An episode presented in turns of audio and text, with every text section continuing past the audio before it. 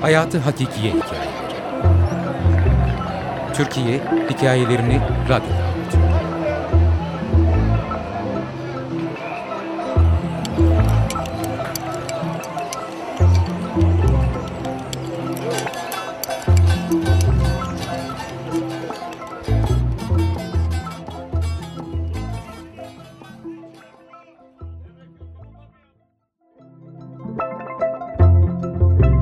Özgürlük Şarkısı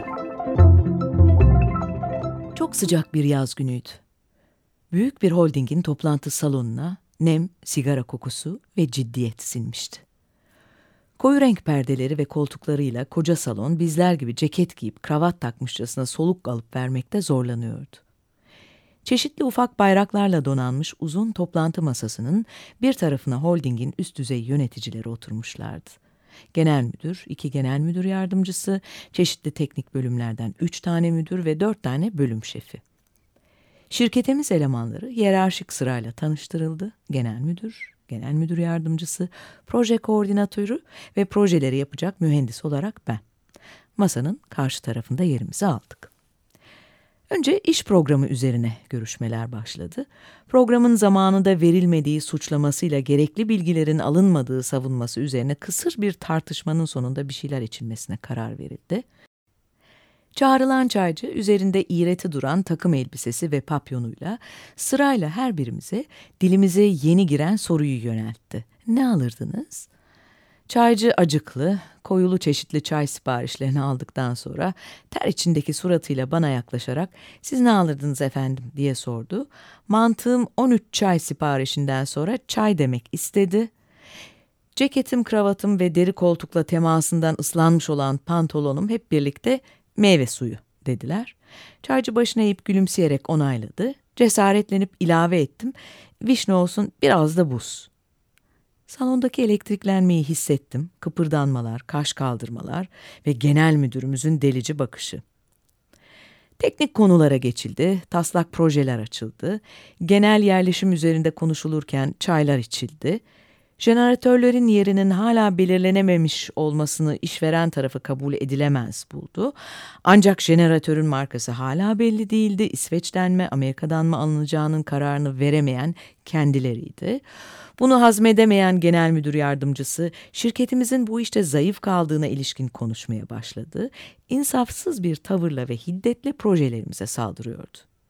Ülkeyi askeri kurallarla yönetip sorunları çözeceklerini sanan generaller gibi iş bilmez cahillerin cesaretiyle sindirme politikası gidiyordu.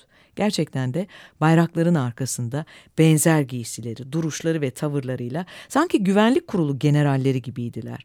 Hani salon da ülkenin 12 Eylül sonrası havasını andırmıyor değildi. Kasvetli, sıkıntılı ve boğucu. Not alacak bir şey konuşulmadığı için meyve suyu bardağıma baktım. Dışı buğulanmış. Buzların soğukluğu meyve suyuna geçmişti. Uzanıp meyve suyu bardağını aldım. Ağzıma doğru götürürken buzlar hareketlendiler. Önce birbirleriyle çarpışıp tıngırdadılar. Sonra bardağın cam çeperlerinde şıngırdadılar. Ve tüm bu ufak sesler harmanlanıp salonun sessiz bir anını kollayıp ortalığa dağıldılar. Bütün başlar bana doğru çevrildi. Soğuk bakışlarla birlikte Buz gibi vişne suyundan bir yudum aldım. Serinlik boğazımdan vücudumun bütün zerrelerine yayıldı.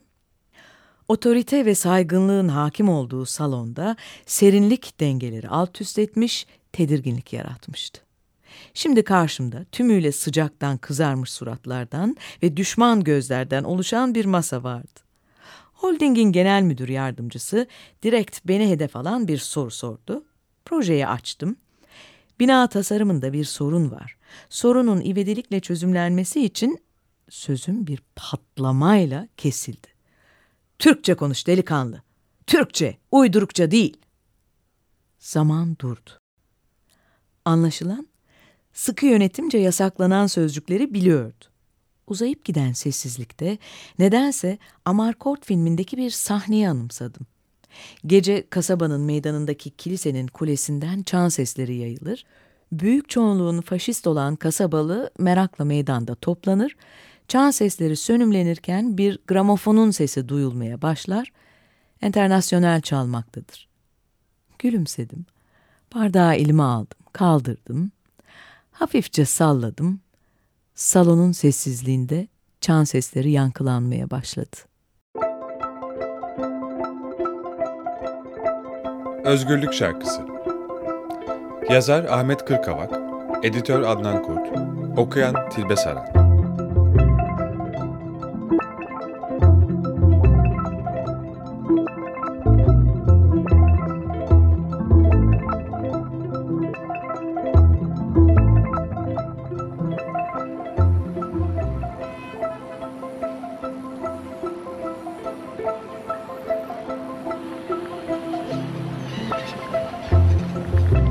Hayatı Hakikiye Hikayeleri. Türkiye Hikayelerini Radyo'da